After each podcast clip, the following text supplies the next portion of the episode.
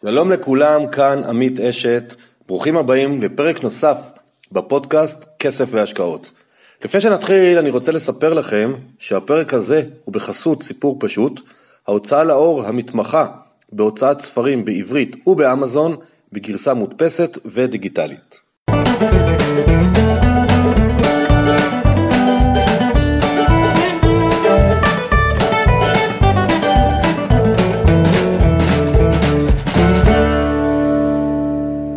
שלום לכולם, היום איתי בני מבורך לוי.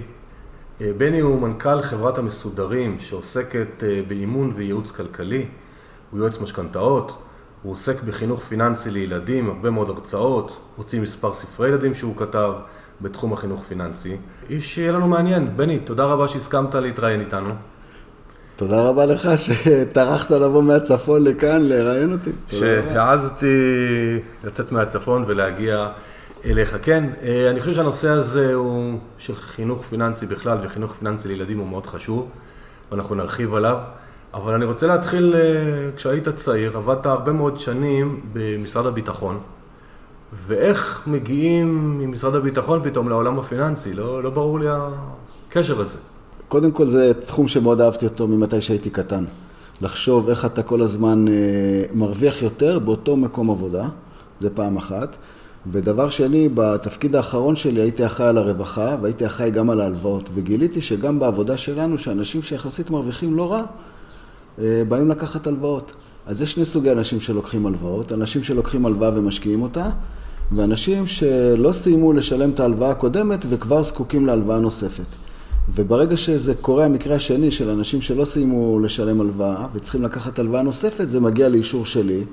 ואז אתה אומר, רגע, איך יכול להיות שבארגון כמו שלנו, אנשים שהם אפילו בכירים, הם אה, לוקחים הלוואות והם לא גומרים את החודש.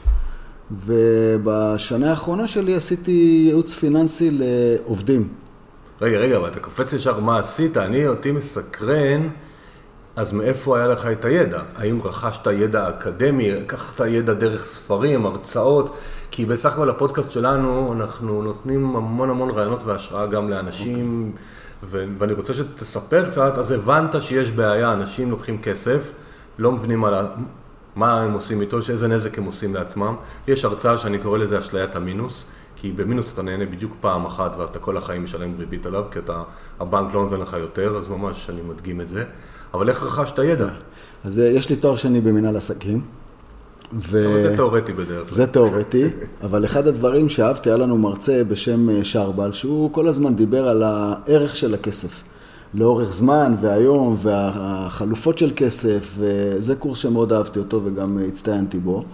אז זה פעם אחת. פעם שנייה, מניסיון חיים. אני בא מרקע שבבית לא היה לנו שפע גדול של אוכל, ואימא שלי לימדה אותנו, תעבדו, תחסכו, תהיו טובים ותצליחו. ואז בעצם ממתי שאני קטן, בכל עבודה שעבדתי, תמיד חשבתי איך אני מרוויח יותר, איך אני עושה עוד ואיך אני משקיע. ובעצם, מה שקרה לי לאורך השנים, בהשוואה לחברים שלי שגדלו ביחד איתי ולפעמים גם חלקם הרוויחו יותר ממני, אני בהתנהלות הנכונה לאורך השנים צברתי גם ניסיון וצברתי גם נכסים והשקעות וגם יכולתי לפרוס יחסית בגיל מוקדם ובעצם להגיע לעצמאות אה, פיננסית, כלכלית. זה בעצם, זאת אומרת הידע שלי מורכב מניסיון, מלימודים, עשיתי קורס ייעוץ כלכלי למשפחות, זאת אומרת רכשתי השכלה בתחום עשיתי גם קורס ייעוץ משכנתאות, זאת אומרת, אני גם חבר באיגוד היועצים לכלכלת המשפחה וגם חבר באיגוד יועצי המשכנתאות, וזה תחום שמאז שפרשתי אני ממש מתמקצע בו. הולך להש... להשתלמויות ולומד אותו ומעשיר את הידע בתחום. איזה יופי, זה נהדר. אז פה אנחנו עוד מעט נגיע, נתמקד קצת בילדים, אבל לפני שנתמקד בילדים של היום, בוא נתמקד בבני שהיה ילד של פעם. אתה אומר, כבר כשהייתי צעיר, אימא אמרה, תעבדו, תהנו, אבל גם תחסכו. כן. איזה סוג אה, חסכונות או השקעות עשית בגילאי העשרה או העשרים המוקדמות? איזה דברים כבר אז התחלת לעשות, אם אתה זוכר? אני יכול לתת אה, דוגמה קטנה. קודם כל, מבחינת עבודה, אז uh, אני הייתי אחראי על הניקיון של המדרגות של הבניין, והייתי גנן של הבניין. זאת אומרת, הייתי קונה שתילים בזול ומוכר אותם לוועד הבית ביוקר, ושותה להם את זה ומרוויח על זה עוד, uh, עוד כסף. וגם בתור נער, פעם אפשר היה לעבוד כבר מגיל 12-13, אז גם כשעבדתי בתור אה, מלצר במסעדת פועלים, שבמסעדת פועלים אי אפשר להרוויח טיפים, אז תמיד חשבתי איך אני בתוך המסעדה עובד עם חבר ליד ואני מרוויח יותר ממנו, ואז גיליתי שאם אני אשרת יותר טוב את הנשים הזקנות, אני אקבל מהם טיפ. אינטואיציה של ילד, ואז באמת הייתי מביא סתם לזקנה עוד כוס מים, אז הייתי מרוויח מזה טיפ. ואז אה, באותה תקופה האבטיחים היה להם גרעיני אבטיח, שהיו מוכרים אותם, גרעיני אבטיחים. אז אני, אני את כל הזבל של האבטיח בשולחן שמפנים, אני תמיד שמרתי אותו בסוף היום, הלכתי הביתה, שטפתי אותו, ייבשתי אותו בשמש, ובסוף הקיץ היה לי 15 קילו גרעיני אבטיח. הלכתי לבארי בירושלים, שזה היה אימת הפיצוחים בירושלים, והלכתי, מכרתי לו 15 קילו גרעיני אבטיח. זאת אומרת, זו השקעה של, של ילד. עכשיו, לא השקעתי בתור ילד בנכסים. לא, לא, לא, השקעה לא, אני לא כן. דיברתי על נכסים. אבל כל הזמן חשבתי איך בעצם אתה אה, יכול, אה, אה, להרוויח, כסף ולחסוך. זאת אומרת, לא הייתי מבזבז את הכסף שהרווחתי. זאת אומרת, אימא שלי הייתה נותנת לנו טיפ של 80 אגורות בשבוע, ב-80 אגורות פעם היה אפשר לקנות במבה. אז אחרי היה קונה במבה, אני שמרתי את ה-80 אגורות האלה, ואחרי 15 שבועות קניתי גריפר, כי רציתי להיות חזק, אז קניתי גריפר בשוק. שהמוכר הסכים למכור רק שניים ב-24 שקל, שכנעתי אותו. כל פעם הלכתי אליו, אמרתי לו, תשמע, אני חוסך כסף, אני רוצה לקנות אחד, ובסוף הסכים למכור לי אחד ב-12 שקל. אז 15 שבועות עבדתי בשביל לקנות גריפר. אז אני מבין, אז אתה באמת, מגיל צעיר כבר הבנת את הכוח של הכסף ואת כן. כוח ההתאפקות. כן, דחיית סיפוקים. דחיית הסיפוקים. אז בוא נחזור רגע לבני לפני הפרישה, ואתה אחראי על תחום גם ההלוואות. אז אתה רואה אנשים לוקחים הלוואות לא אחראיות, אני גם רואה את זה היום. אז מה התחלת? התחלת לנסות להסביר להם מה זה ריבית? התחלת לנסות להסביר להם איזה סכנות יש? איך אה, הצלחת לשכנע אולי חלק מהחברים לעבודה שזה מסוכן להם? אז אה, לא, לא הצלחתי לשכנע אותם, פשוט עשיתי... אה, דבר. לא, זה, זה אורח חיים. אתה יודע שאנשים שאתה אומר להם, תשמעו, לקחת הלוואה זה לא טוב, אז הם אומרים לך, לא, בלי הלוואה לא יכולתי לקנות אוטו חדש. אז אתה מבין שאין לך מה לעשות עם החבר'ה האלה, כי החשיבה שלהם היא שונה. אני, אם אני קונה אותו חדש, אז אני מכין את הכסף מראש כדי לקנות אותו. אוקיי? ככה אני חושב.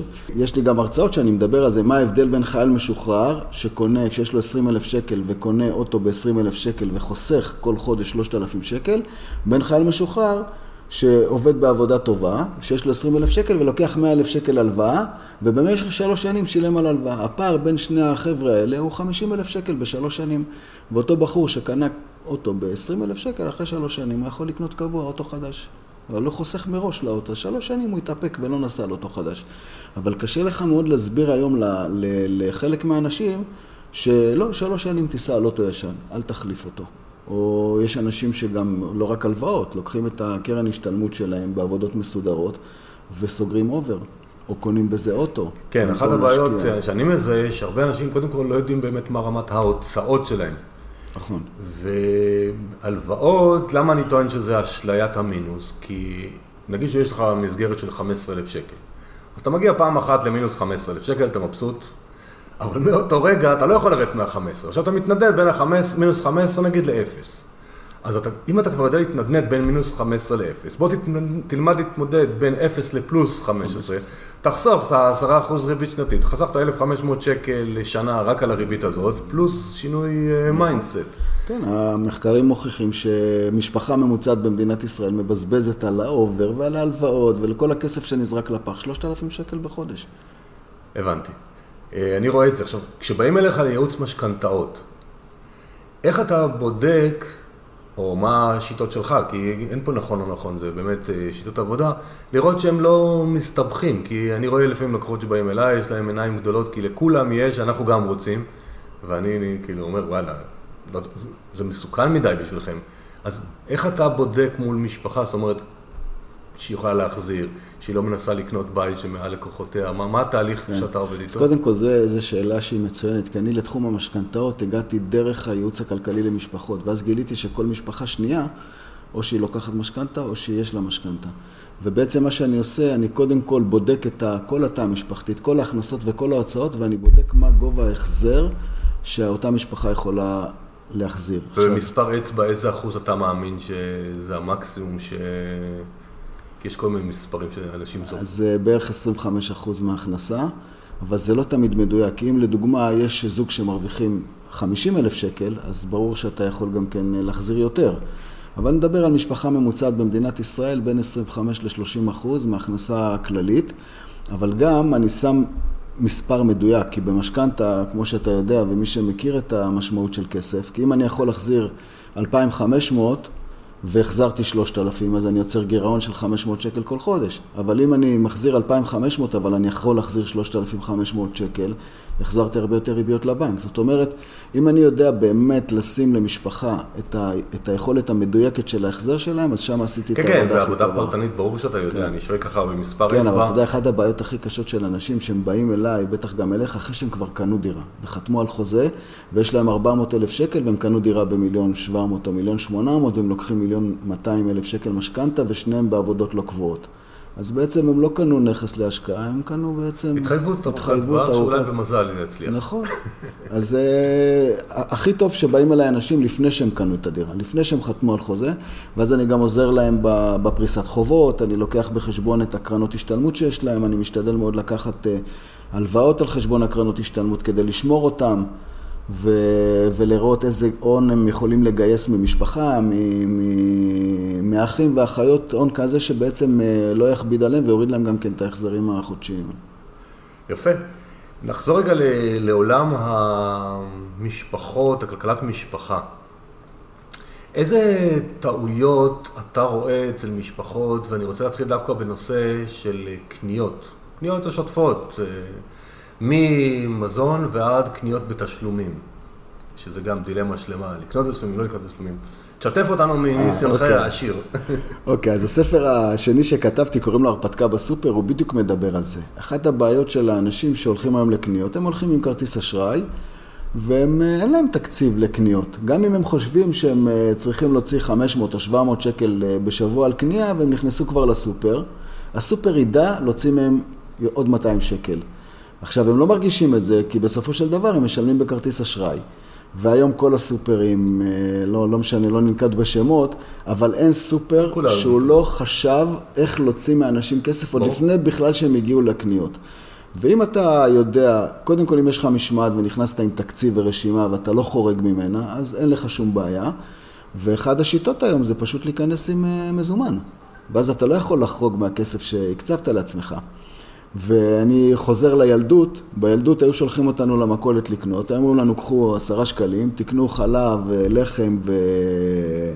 וקוטג' והיה לך עשרה שקלים, יכולת לקנות במה שיש לך. אבל זה לא היו רושמים, זה הכי מסוכן להורים. כן, כן. אבל היום, היום בעצם לאנשים אין שום מגבלה.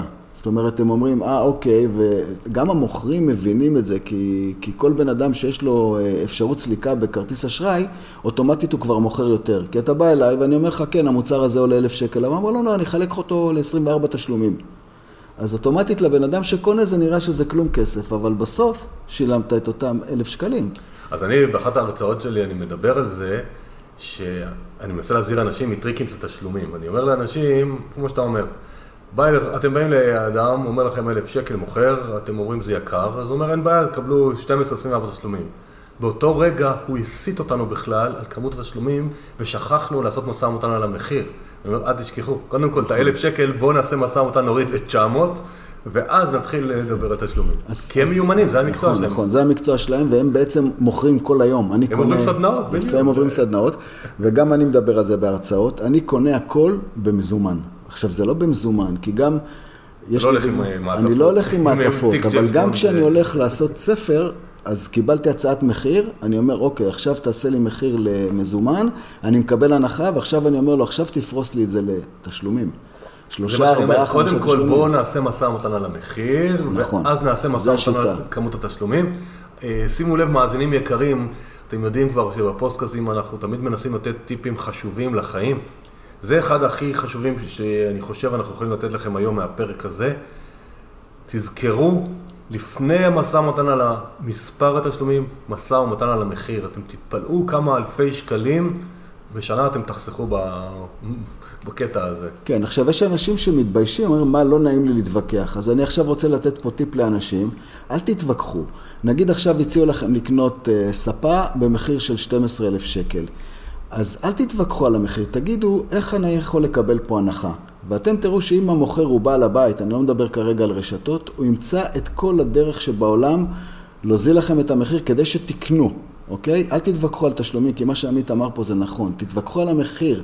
תגיד, לא, זה יקר לי, האם אפשר לבוא לקראתי במחיר? אתם תגלו שיבואו לקראתכם במחיר. אל תזרוק את המחיר. עכשיו, אני יכול להגיד לכם ש, שכמעט כל דבר שאני קונה, אני מקבל עליו הנחה. כמעט כל דבר.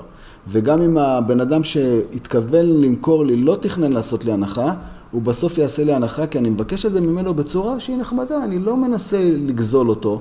אני אומר לו, אוקיי, תשמע, זה יקר, או אתה יכול לבוא לקראתי במחיר, הוא יבוא. אנחנו לא, כאילו, יש כל מיני שיטות לנהל משא ומתן, לא, אתה גם מיומן, אני, אני חושב שאתה מיומן, יש הרבה אנשים שלא מיומנים, אני רוצה להתעכב על משפט שאמרת קודם, שאנשים מרגישים הרבה פעמים שזה לא נעים.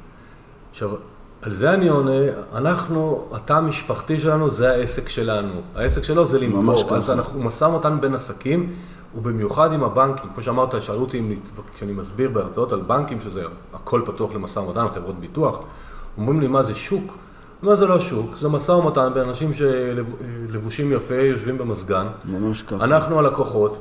זכויותינו, הם, אה, חובתנו זה להתווכח. יש, ו... יש לי דוגמה ממש מהשבוע האחרון. אני מנהל משא ומתן עם שני בנקים על משכנתה ללקוחות. ועשינו כבר אה, משא ומתן פעם ראשונה, הגענו למשא ומתן פעם שנייה, ואז הפקיד של הבנק אומר, תשמע, אני נמאס לי מהפינג פונג הזה. ואז אני אומר לו, סליחה, זה לא פינג פונג, זה משא ומתן, זה כסף של אנשים. תאר לך שאני הייתי מייצג אותך מול הבנק. לא היית רוצה שאני אנהל משא ומתן כמו שצריך? הוא אומר לי, וואלה, אתה צודק, ושיפר לי את הריביות. זאת אומרת, השאלה איך אתה מציג את זה. זה לא פינג פונג, זה משא ומתן. והיום, לצערי, אני גדלתי בירושלים, בשוק מחנה יהודה, והסתובבתי מלא בעיר העתיקה. ברור לבן אדם שהוא מוכר בשוק, שאתה תתווכח איתו. מי שלא כן. יתווכח על המחיר, פשוט הפסיד. אז אני שיפרתי את המיומנויות משא ומתן שלי, שעדיין יש לי מה לשפר, בעיקר בשווקים בהודו ובסין, שהייתי מסתובב שם הרבה. ואז למדתי דבר נורא, נורא יפה שהסביר לי איזה חבר אה, מקומי שהוא יותר מיומן ממני. למשל, בא מישהו ואומר מחיר אה, אלף, לא משנה אלף מה. ואתה אומר לו זה יקר, אז אה, הוא מוריד לך, ואתה אומר לו אני מוכן 200, כי אתה צריך להתחיל ב-20%, 30% כדי להגיע... הוא אומר אלף, אתה אומר 200, אז הוא אומר לך מה פתאום השתגעת? 900. עכשיו האינסטינקט של רוב האנשים זה להגיד טוב אז 300 נגיד, או... אז הוא אומר לי, למה תקפוץ ב-100? תגיד, במקום 200, 210. אתה לא חייב לקפוץ גם במאיות, תקפוץ באחדות, תקפוץ בבודדים, תקפוץ בעשרות, והוא ירד במאות. וזה באמת עובד הרבה פעמים. כן. זה, אבל זה מיומנות נרכשת. זה כיף גם לראות את זה בארץ. אני לא, לא מזמן הייתי ב, ב, בעיר העתיקה.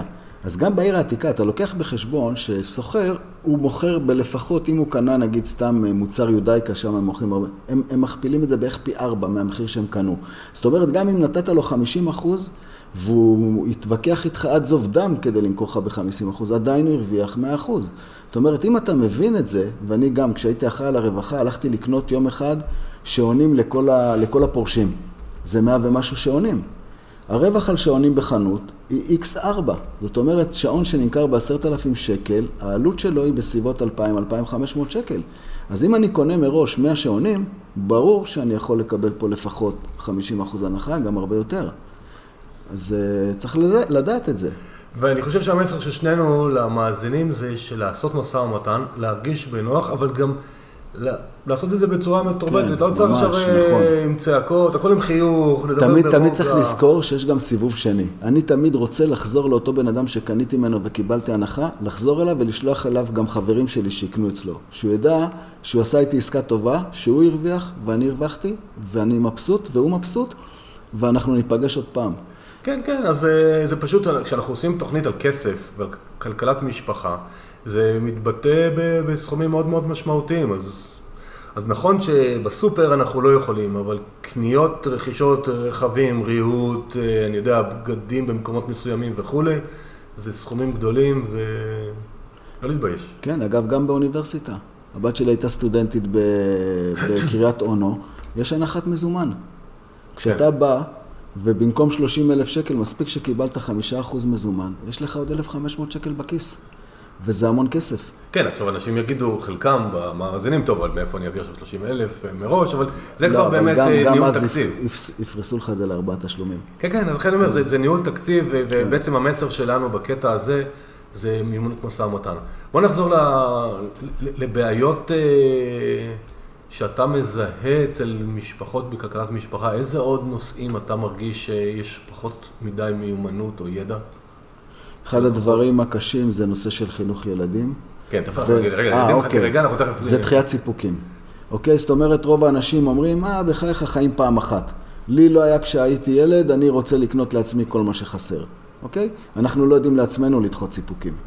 ואני חושב שזה שם המשחק. זאת אומרת, אתה אומר, אוקיי, חיים פעם אחת זה נכון, אבל בעזרת השם המאזינים ואנחנו, אנחנו נחיה בסביבות 85-90 שנה, וצריך לזכור שמגיל 65, שכבר יהיה לנו קצת יותר קשה לעבוד ולהרוויח כסף, אם אנחנו לא נחשוב על זה, פשוט לא יהיה לנו עם מה לחיות, ונתחיל לקבץ נדבות, ולצערנו גם במדינת ישראל יש הרבה אנשים מבוגרים עניים, ואני לא רוצה להיות עני, אני רוצה להגיע לגיל הזה עם, אה, עם אה, גם הכנסות פסיביות, אבל גם עם אה, חסכונות, ואני מוכן לדחות סיפוקים. גם בתור ילד וגם בתור נער, וגם היום. יש דברים שאני לא קונה היום, ואני יודע, אוקיי, אני משלם היום מחיר, אבל שיהיה לי יותר בעתיד. ואני חושב שזה אחד המסרים הכי חשובים לאנשים מבוגרים. אוקיי, אז לא יהיה לך עכשיו אוטו חדש, זה לא כזה נורא, היום אפשר לקנות מכוניות גם משומשות ולנסוע איתן, בנות שלוש. ככה אני תמיד קונה, בן שלוש. אני קונה נכון. תמיד מכוניות בנות שלוש עד ארבע, כן. רוב ירידת הערך הייתה, זה מספיק נכון, חדש לי. נכון. והמכוניות היום מחזיקות גם עשר שנים בלי תקלות, אין שום בעיה. כן, כן, אני מאוד מסכים איתך. אז אתה אומר ש...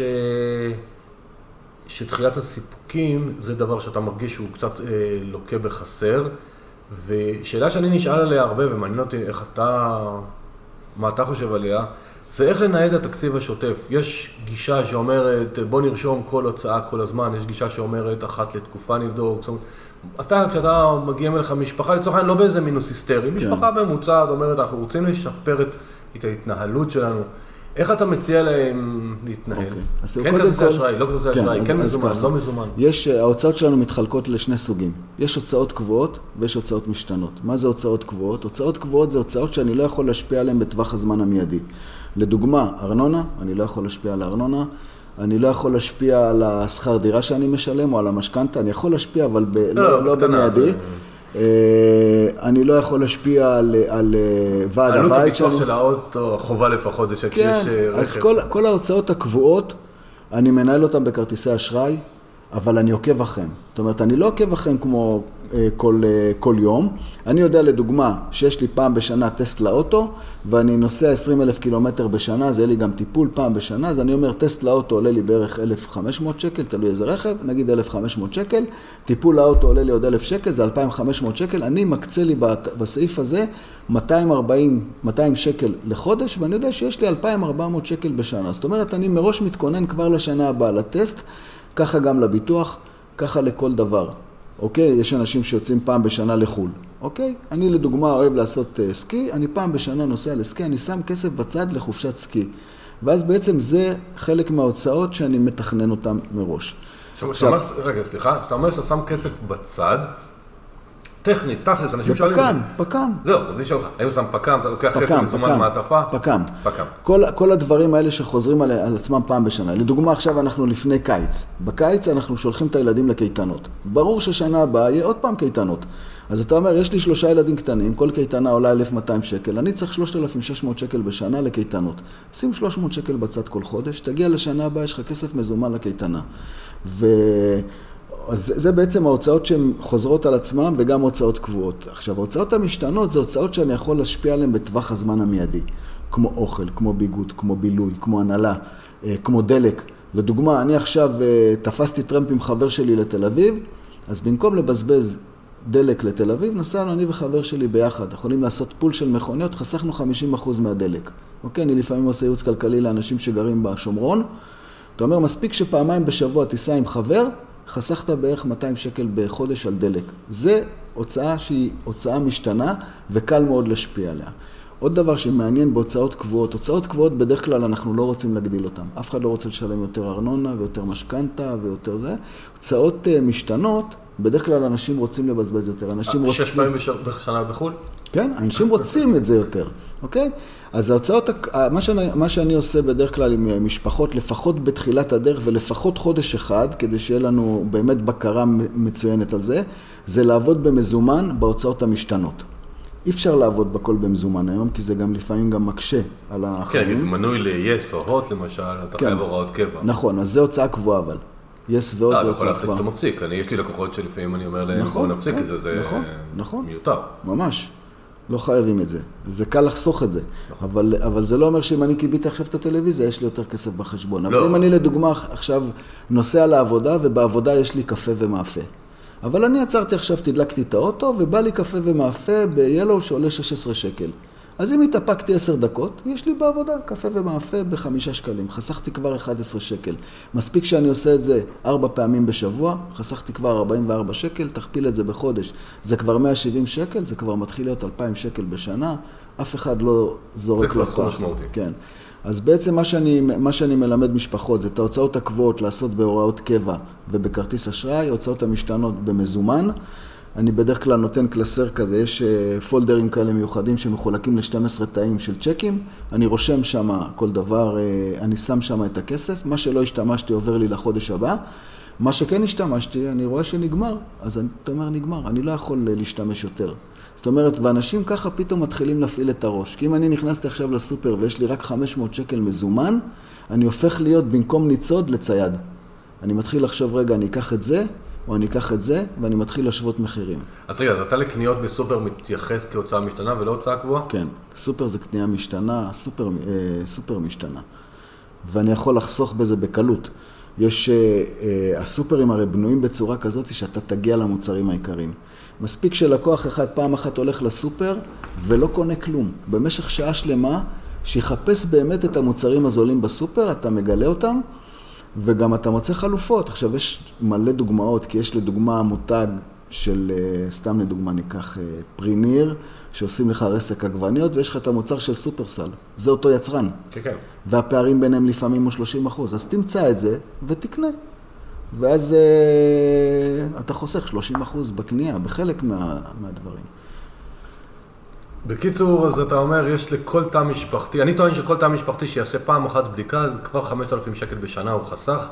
עצם זה כן. שהוא בכלל עשה פעם ראשונה בדיקה. לפני- ממש ככה. לא בשוטף. הרבה יותר, זה- עמית, הרבה יותר. לא, כן. אני שמרן. ואחרי זה כבר אה, ייכנס כמתודולוגיה קבועה, אבל פעם אחת לדעת... מספיק, מספיק שפעם אחת בן אדם יודע שהוא הלך לסופר, והוא אומר, אני נכנס עם רשימה ותקציב, ואני לא חורג מהתקציב בעיקר, הוא כבר חסך 20% מהקנייה שלו, אוקיי? ואז אתה אומר, הרי מה קורה היום לרוב האנשים? הם קונים יותר ממה שהם צריכים. אז זהו, אז המדד שאני רוצה להקל על אנשים לבדוק את עצמם בקניות, אני אומר לאנשים, תראו כמה אתם זורקים. עכשיו, הם מה זורקים בעיקר? ירקות, פירות ומוצרי חלב. כי שאר הדברים, נגיד, קנו יותר מדי אה, נייר טואלט, חיתולים, שימורים, כן. שמן. אז זה נשאר, זה נגיד לא הולך לאיבוד. אבל מוצרי חלב וירקות ופירות, ולצערי בארץ הפירות וירקות מאוד התייקרו בשנתיים נכון. האחרונות. ומתחיל הקיץ, כולם, אנחנו מקליטים את הפרק, דרך אגב, יוני 2019, אני לא יודע מתי אתם תקשיבו.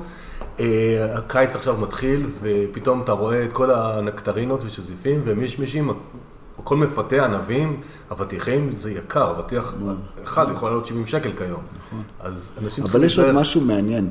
כי הרבה פעמים אנשים אומרים, אה, הייתי בסופר, קניתי למלאי, זה לא מתקלקל. יש עוד אלמנט במלאי שהוא לא טוב. מעבר לפג תוקף, נגיד נשים את הפג תוקף בצד. בדרך כלל, שקנית יותר, אתה צורך יותר. זאת אומרת, אם אתה עכשיו קנית, כי טונה היה במבצע וקנית 20 טונה, אז אתה תצרוך יגמרו יותר. טונה, כן, אוקיי? זאת אומרת, צריך לקחת גם את זה בחשבון, כי אתה אומר, אוקיי, קניתי יותר, אבל אני לא זורק כלום, אז עצם זה שקנית יותר, אתה תראה שאתה תצרוך יותר, ואתם תגלו גם שאתם, סתם לדוגמה, נגיד, הזמנתם אנשים אליכם הביתה, תשימו מעט אוכל על השולחן, אנשים יאכלו מעט, תשימו הרבה אוכל על השולחן, אנשים יאכלו הרבה.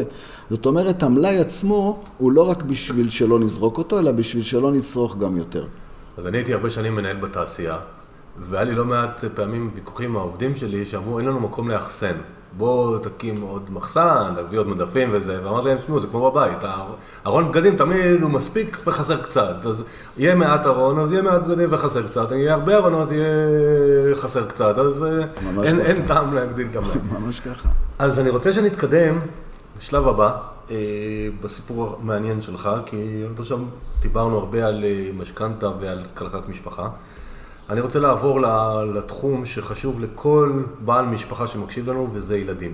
אני, יש לי הוצאה לאור, כתבתי גם ספר ילדים בנושא כספים אה, לילדים, ואני מאוד מאוד אוהב את עולם הספרים, אבל מסקרן אותי לדעת מה הביא אותך אה, לכתוב ספרים אה, לחינוך פיננסי לילדים. אז מה שקרה, כל, כל משפחה שישבתי איתה, אמרו, אוקיי, הבנו את הרעיון, אבל מה קורה עם הילדים? אוקיי? ואמרתי, הופ, זה נישה שא', אני אוהב אותה, כי אני איש אה, חינוך, ויש לי מלא דוגמאות מאנשים שאני יושב איתם, שאני יכול על זה, על בסיס זה לכתוב אה, סיפורים.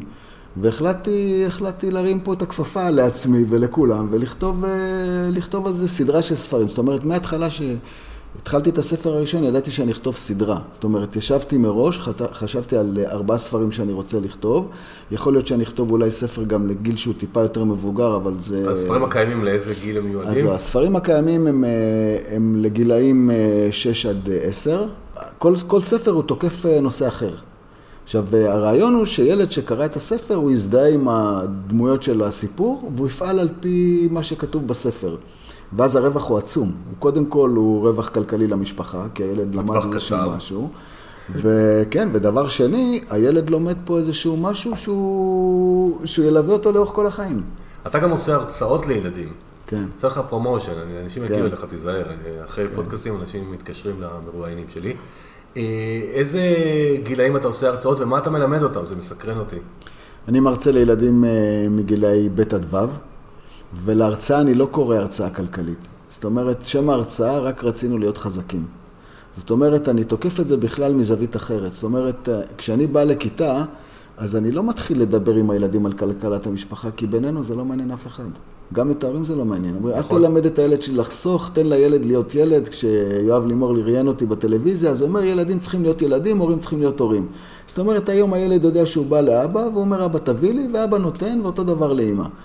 אבל זה לא הרעיון. כי אם אני אתחיל ככה את ההרצאה שלי, אז הילדים לא ישמעו, אבל ילדים יושבים מרותקים. כי אני מתחיל בכלל את ההרצאה עם משחק כדורגל, ואני שואל אותם מה הקשר בין ספורט לכלכלה, ואז ילדים ישר אומרים לי, רגע, ככל שאתה יותר טוב בספורט ותכניס יותר גולים או תכניס יותר סלים, אז אתה יותר טוב. ודרך זה אני תוקף את הכלכלה. מה, ו... אז יותר כסף? לא, תראה, אני אתן לך דוגמה. לא, אני סתם, אני מסקרן, אני עושה באסוציאציה, אני ילד יושב בהרצאה, אומרים לי יותר אה, סלים, יותר גולים, אתה אומר, מה, זה יביא יותר כסף? אני אגיד לך משהו מעניין. כשאתה רואה, אה, יש סטטיסטיקות גם בספורט. כשיש עכשיו סדרת אה, גמר בין שתי קבוצות, נגיד שיש הטוב משבעה. אני רואה את המשחק של ה-NBA, זה בסדר. יפה. קבוצה שמובילה 3-0, רוב הסיכויים שהיא לא תנצח. כן. היא תנצח את הזה, יפה. אני רוצה להגיע לאמצע החיים שלי ב-3-0. לטובתי, לא לרעתי. ואז כשאני מדבר עם ילד ואני אומר, אוקיי, עכשיו אתה נמצא ב-1-0, מה אתה עושה? הוא אומר, אז אני משפר את ההגנה, אני משפר את ההתקפה, אני חושב מה אני עושה. 1-0 מבחינתי זה כשאתה יצרת השקעה, אתה ב-1. לטובתך. לא, אבל אני מנסה להבין איך אתה מקשר ילדים בגילאי ב' עד ו' מהספורט, איך אתה מביא אותם לכסף, זה לא הצלחתי. אז רגע, רגע, זה, זה עכשיו. אני מראה להם את המשחק של אה, ברזיל נגד, אה, נגד אה, גרמניה בחצי גמר אליפות עולם לפני חמש שנים. ובעצם במחצית 5-0. ואני שואל אותם, האם יש לברזיל סיכוי לנצח את המשחק? עכשיו, כל הילדים גם מכירים את המשחק הזה. ואז אני אומר להם, בואו נחשוב, אנחנו, אנחנו ברזיל. מה הייתם אומרים אה, ל, לילדים במשחק הזה? ואז אתם אומרים, אוקיי, ב-1-0 יכולנו לעצור את המפולת. אם הם היו משפרים את ההגנה, יכול להיות שהיינו עוצרים את המפולת. ואז אתה אומר, בוא נחשוב מה זה קשור לכלכלה, ואתה רואה שהילדים לבד עונים את התשובות. הילד אומר, אתה יודע מה? אם אני יצליח אה, לחשוב על, אה, על איך אני אה, מצליח להרוויח עוד כסף, או מצליח לחסוך עוד כסף, או איך לא לבזבז את הכסף שכבר קיבלתי, אני אצליח לייצר לי יתרון על פני הקבוצה השנייה או על פני החברים שלי, אוקיי? ואז אני אומר להם, תראו, בואו נחשוב שכל גול זה השקעה. או כל גול שקיבלת, לקחת הלוואה. ואז אני שואל את הילדים, מה קרה שאם אתה בתור ילד לקחת הלוואה מחברים שלך? אבל הם יודעים כבר מה זה הלוואה? הם יודעים, הם מבינים, הילדים, תשמע, הילדים היום בגיל צעיר. לא, ילדים חכמים, אני יודע, אבל אני לא ידעתי שכבר אה, בגילאים האלה מבינים מה זה הלוואה, מה זה השקעה. הם מבינים, ואז לא, הם מבינים את זה, אומר, כן, לקחתי מאבא שלי וגמרתי את כל הכסף. אתה אומר, אוקיי, נגיד עכשיו לא היית גומר את כל הכסף והיית חוסך אותו. אז הוא אומר לך, הייתי יכול לקנות משהו יותר גדול במקום לקנות משהו קטן. ואז אתה אומר, תבינו שבעצם אחד ועוד אחד ועוד אחד, פתאום יש לך כבר חמש. חמש גולים זה כבר לא גול אחד, כבר קשה אחר כך לנצח אותך כי אתה הופך להיות חזק, אתה הופך להיות חזק כלכלית, יש לך הרבה נכסים אצלך, והנכסים האלה אחר כך אתה מתרגם אותם להצלחה בחיים. עכשיו אני גם מראה להם סרטון של המרשמלו, אם אתה, בטח המאזינים מכירים אותו, יש את סרטון המרשמלו של הילדים שנכנסים אה, ונותנים להם מרשמלו. אחד, לא כן, מתאפקים או לא מתאפקים, ואני מראה את זה לילדים, אני שואל אותם, אוקיי, מה אתם הייתם עושים? ואתה רואה שחלק מהילדים היו אומרים לך, אנחנו היינו מתאפקים כי אנחנו מעדיפים להרוויח עוד מרשמלו, וגם הרבה פעמים בסוף, לא הרבה פעמים, תמיד אני שואל בסוף ההרצאה את הילדים, מה אתם לוקחים מההרצאה? וזה מדהים לראות ילדים בכיתה ב', ג', ד', שהם אומרים לך, אני למדתי שאם אני אתאפק ואני לא אקנה איזה משהו קטן אחד, אני אוכל לקנות משהו גדול בעתיד. או ילדים אומרים, אני רוצה עכשיו שיהיה לי קופת חיסכון ואני רוצה להתחיל לחסוך כי אני רוצה שיהיה לי טרקטורון שאני אהיה גדול. אוקיי? והרעיון הוא באמת שבסוף הרצאה כזאת, הילדים לבד אומרים מה הם לוקחים מההרצאה, וזה מדהים לראות שהם הם מבינים. והרעיון הוא שגם בסוף ההרצאה כל ילד מקבל ספר וקופה. זאת אומרת, יש להם אחר כך, אני לא מספר להם את כל הסיפור, אני מקריא להם רק חלק מהדברים, ואז כשהם הולכים לקרוא, וזה כבר פידבק מההורים, ההורים אומרים, וואו, בוא'נה, היה שווה שהם ישמעו את ההרצאה, ואתה רואה את ההורים אחרי זה מתכתבים בוואטסאפ, הם שולחים לי, כאילו, מה הילדים למדו מההרצאה הזאת, וזה כיף לראות. לא, זה כיף גדול. אז למה עצרת בגילאי ב' ו', למה אתה לא ממשיך אה, ז' י"ב לצורך העניין? אז אני מעביר הרצאות אה, לכיתות אה, י"ב ולפני צבא. אבל ההרצאה היא שונה. ברור, ברור.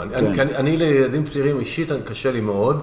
אני יותר מי' וצבא. אז זהו, אז יש לי הרצאות שאני מעביר לכיתות י"א-י"ב, שאני קורא לה, אני רוצה להיות עשיר. אז על מה אתה מדבר איתם שמה? שם אני מדבר איתם בגדול על, על מה זה עשיר קודם כל, כי חשוב מאוד להגדיר לילדים, כי עשיר זה לא רק בן אדם שיש לו כסף, אוקיי?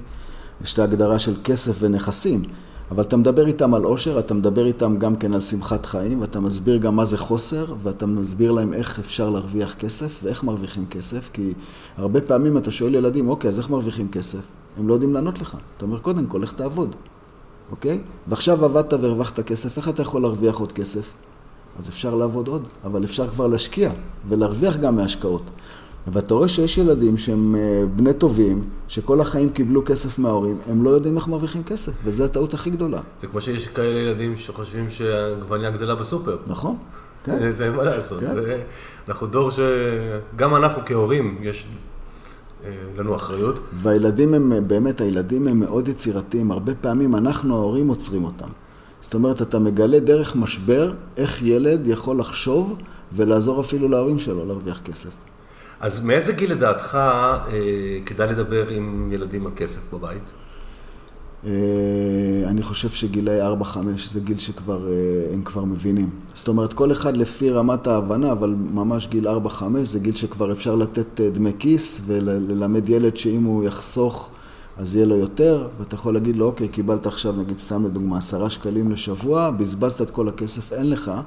זה ילד בגיל ארבע כבר יכול להבין. דמי כיס זה נושא שהוא גם מאוד מאוד טעון אצל הרבה משפחות וכל אחת דעה אחרת, אז, אז אני רוצה לשאול אותך, דמי כיס לדעתך, אז אמרת מאיזה גיל לתת, אבל האם אה, ההורה צריך לעזור לילד להחליט מה לעשות עם זה, או לתת כן. לילד את כל החופש בחירה? אז קודם כל, אה, צריך להבין שדמי כיס זה כמו משכורת, אוקיי? זאת אומרת, אני מלמד את הילד שפעם בתקופה הוא מקבל משכורת.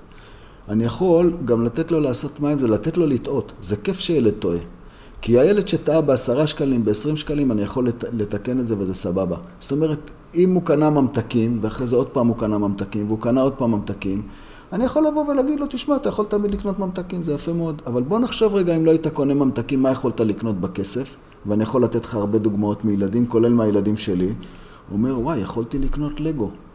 בכסף הזה שבזבזתי על ממתקים, ואני אומר לו, אז אולי שווה באמת לקנות לגו. אני מלמד אותו מה, מה המשמעות של זה. עכשיו, אה, אחד הדברים החשובים זה באמת של לנסות להסביר לילד שדמי כיס זה משכורת.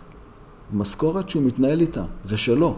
אני, ול... מאוד, אני, אני מאוד מסכים איתך, אני חושב שחלק מהאחריות ההורית שלנו, קודם כל לתת דמי כיס, ולא משנה הסכום, כל משפחה עם ה...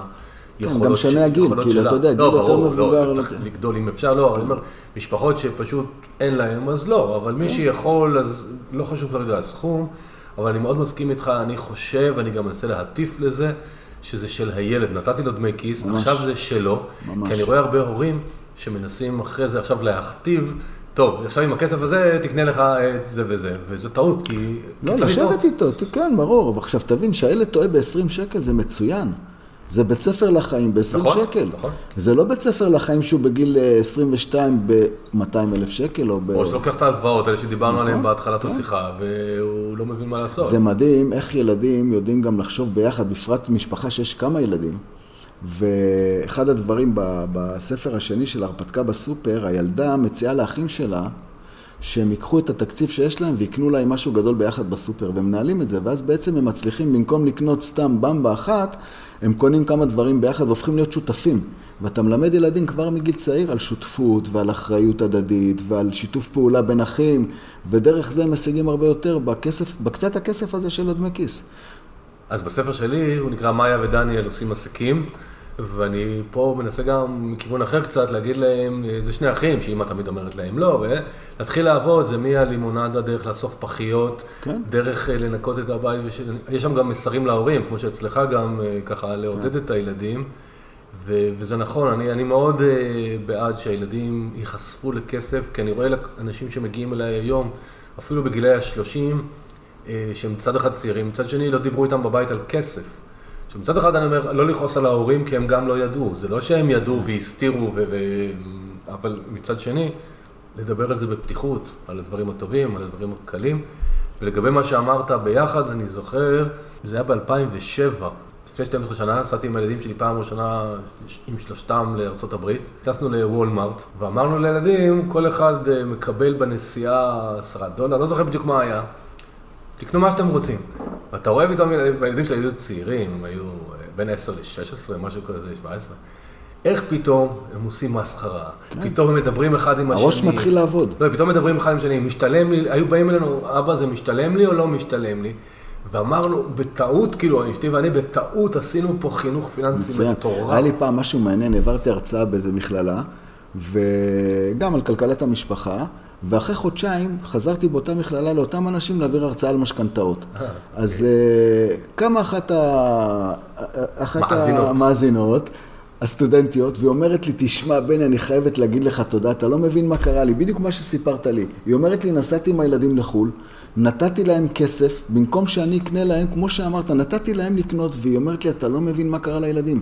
קודם כל, הם כולם חזרו עם עודף, הם לא ביקשו ממני נכון. עוד כסף. דבר שני, הם פתאום התחילו להבין שלכסף יש ערך, והתחילו להגיד לי, זה משתלם? זה לא משתלם? אולי נקנה את זה ביחד? לא, את זה לא כדאי לקנות, עדיף לנו לקנות את זה, ופתאום הם הפכו להיות משהו אחר, אנשי עסקים. עכשיו, תאר לך, היא אומרת לי, אתה יודע מה, אם אני הייתי קונה להם ב-200 יורו, זה לא היה שווה כמו שהם קנו מהכסף שלהם בפחות כסף. אני, כן, זה, זה אחלה. אני רוצה ככה, אנחנו מגיעים לחלק היותר האחרון, אני רוצה לחזור דווקא לעולם הספרים. אני מאוד מאמין בספרים, גם בכתיבה, למי שיש לו מה לתת, וגם בקריאה, כי לומדים הרבה מספרים.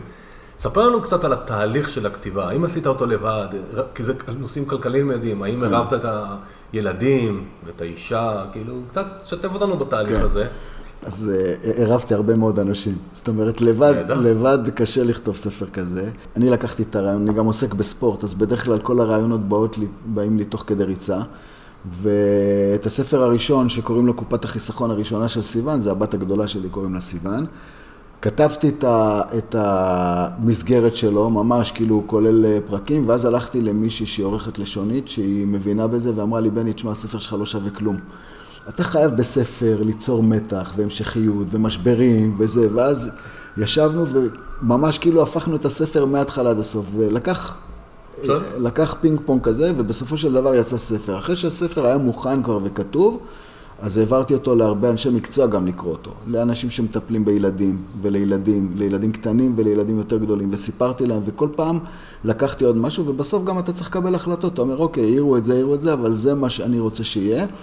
והרעיון היה גם בספר, בסוף להעביר מסר. זאת אומרת, כל ספר יש לו מסר אחר, אוקיי? והספר הראשון, המסר שלו הוא מסר של תחיית סיפוקים.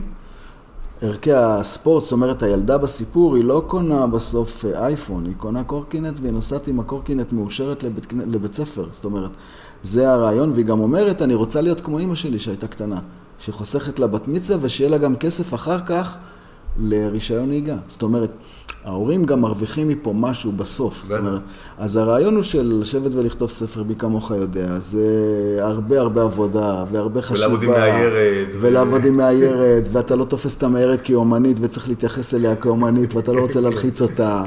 ו...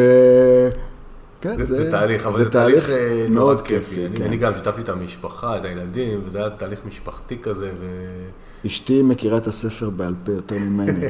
כבר נמאס לה לקרוא אותו, היא כל פעם אומרת לי, נו, בני, עזוב אותך, כבר קראתי את זה, נו, מה עוד פעם? ואני אומר לה, לא, אבל בלה, עכשיו הוא כבר חזר מהגה הסופית, אני חייב, חייב שתקראי אותו עוד פעם. וחברים שלי, יש לי חברים שכאילו הם uh, מבינים, והם יושבים וקוראים ושולחים לי הערות, ואני מפיץ בקבוצות של, של חברים. כדי שיצא בסוף מוצר טוב. כן, כן, זה, כן. זה נהדר. ספר זה, זה חוויה גם כסופר וגם לקרוא. אמ, אני רוצה רגע לחזור לנושא כלכלת המשפחה ומשכנתאות. בסך הכל במדינת ישראל רוב האוכלוסייה מת, מתנקזת למרכז, לצערי כצפוני. אה, לא מספיק מגיעים לפריפריה. ובאמת, האם אתה יכול, אתה עוזר לאנשים לנסות להבין לפעמים שעדיף להם לשכור מ...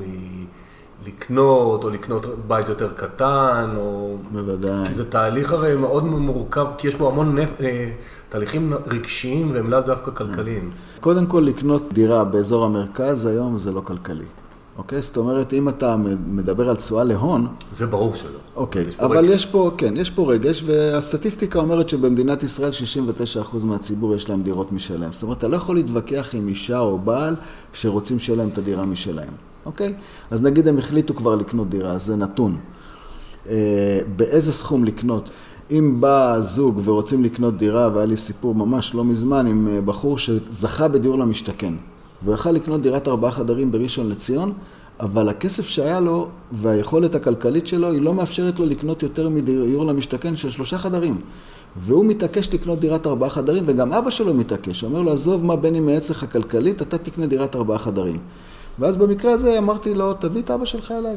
והראיתי לו בתוכנה, שאם הוא קונה דירת ארבעה חדרים, הוא מפסיד חצי מיליון שקל לאורך זמן. זאת אומרת, אם הוא לוקח היום, השווי של ה-200 אלף שקל, בדיוק. כשאתה לוקח 200 אלף שקל פחות משכנתה היום, אתה תשלם פחות חצי מיליון שקל, ואם תיקח 200 אלף שקל יותר, תשלם בסוף 700 אלף שקל יותר. זה 30 שנה המשכנתאות שם היו? כן, במקרה הזה כן, זה ברור, כי יש את לוח שפיצר ו- כן. וריבית וקרן. ואז אמרתי לאבא שלו, ואבא שלו אמר לי, תשמע, אני חושב שהוא צריך לקנות דירת ארבעה חדרים. אמרתי לאבא שלו, אתה רוצה באמת לעזור לבן שלך, אתה היום בן 60, תיתן היום לבן שלך 200 אלף שקל, נכון, והוא יקנה דירת ארבעה חדרים, ואז אתה צודק. ואבא שלו אמר, תשמע, אני אעשה חושבים, אבא שלו הלך הביתה, ונתן לו בסוף 200 אלף שקל בגיל 60, במקום שייתן לו חצי מיליון שקל בגיל 80, שהוא מת. לא, זה נכון. אה, אחד הדברים שגם אני אומר, הרבה פעמים ללקוחות, יש נגיד זוגות צעירים ומוטרדים שאין להם מה לתת לילדים. אני אומר, תראו, אם תקבלו ירושה פעם, תקחו כבר עכשיו בראש, אנחנו לא יודעים מתי זה יקרה, 20 שנה, 40 שנה, 50 שנה, כסף שתקבלו, עם זה תעזרו לילדים. תפסיקו עכשיו, כן. להיות, בואו נעזור לעצמכם נכון, קודם. נכון. וכשאתה ואני, אנחנו בערך באותו גיל, היינו צעירים, אז אני אחרי שהתחתנתי, גרתי בדירת 55 מטר.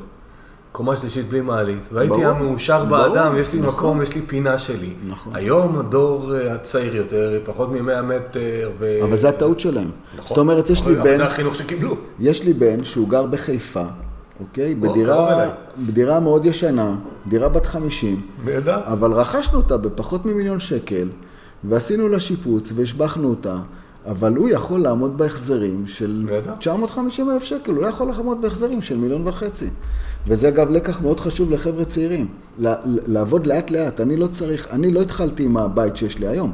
אני התחלתי כמוך עם דירת שלושה חדרים, בשיכון, ואחרי זה מכרתי, ואחרי זה התקדמתי, ובעצם הדור היום הוא רוצה ישר לקפוץ למה שיש להורים שלו, זה לא עובד מה שאתה מתאר גם שחלק מההורים ישר, כמו שאתה אומר, תראו שאמרת שזה האבא לחץ, אבל המאזינים שלנו פה, בעצם מה שבני ואני מנסים להגיד, כי הדיור בסך הכל בסוף זה ההוצאה הכי גדולה.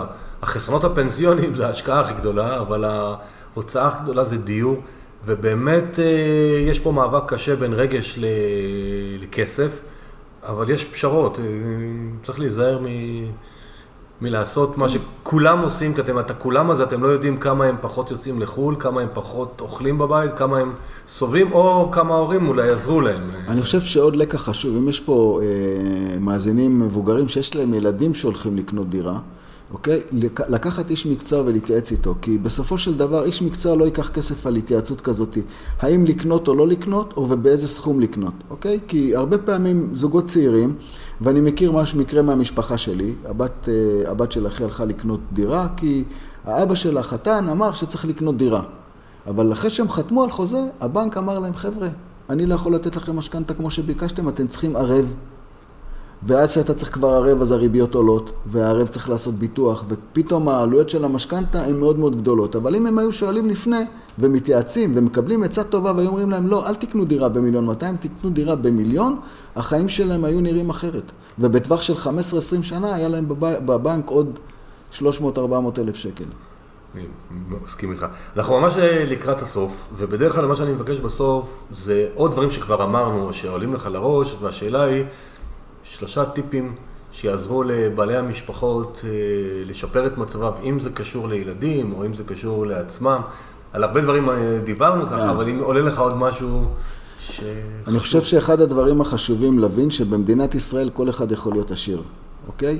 מה זה אומר להיות עשיר? זה אומר לחיות עם פחות ממה שאתה מרוויח ולייצר לך כל הזמן אה, חסכונות והשקעות. זה פעם אחת. דבר שני, זה דוגמה אישית לילדים. זאת אומרת, אם אני מדבר על דחיית סיפוקים, אני מדבר קודם כל על עצמי לדחיית סיפוקים, כמובן שגם לילדים. אגב, המחקרים אה, מראים שילד שיודע לדחות סיפוקים, אחר כך הוא גודל להיות איש עסקים יותר טוב, חבר יותר טוב, בעל יותר טוב, איש משפחה יותר טוב, כי הוא יודע לדחות סיפוקים ואני יכול להוות לו גם דוגמה אישית, אגב, מבחינה כלכלית, אז זה דבר שהוא מאוד מאוד חשוב.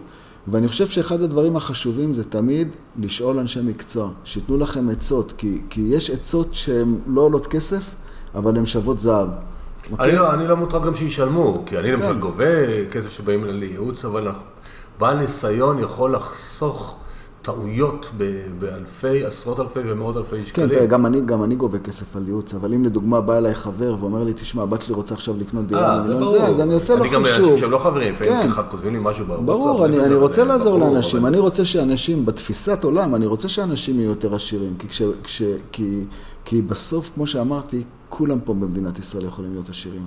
לא, אני רוצה רגע לחזור למה שאמרת, כי מאוד חשוב לי אה, להדגיש.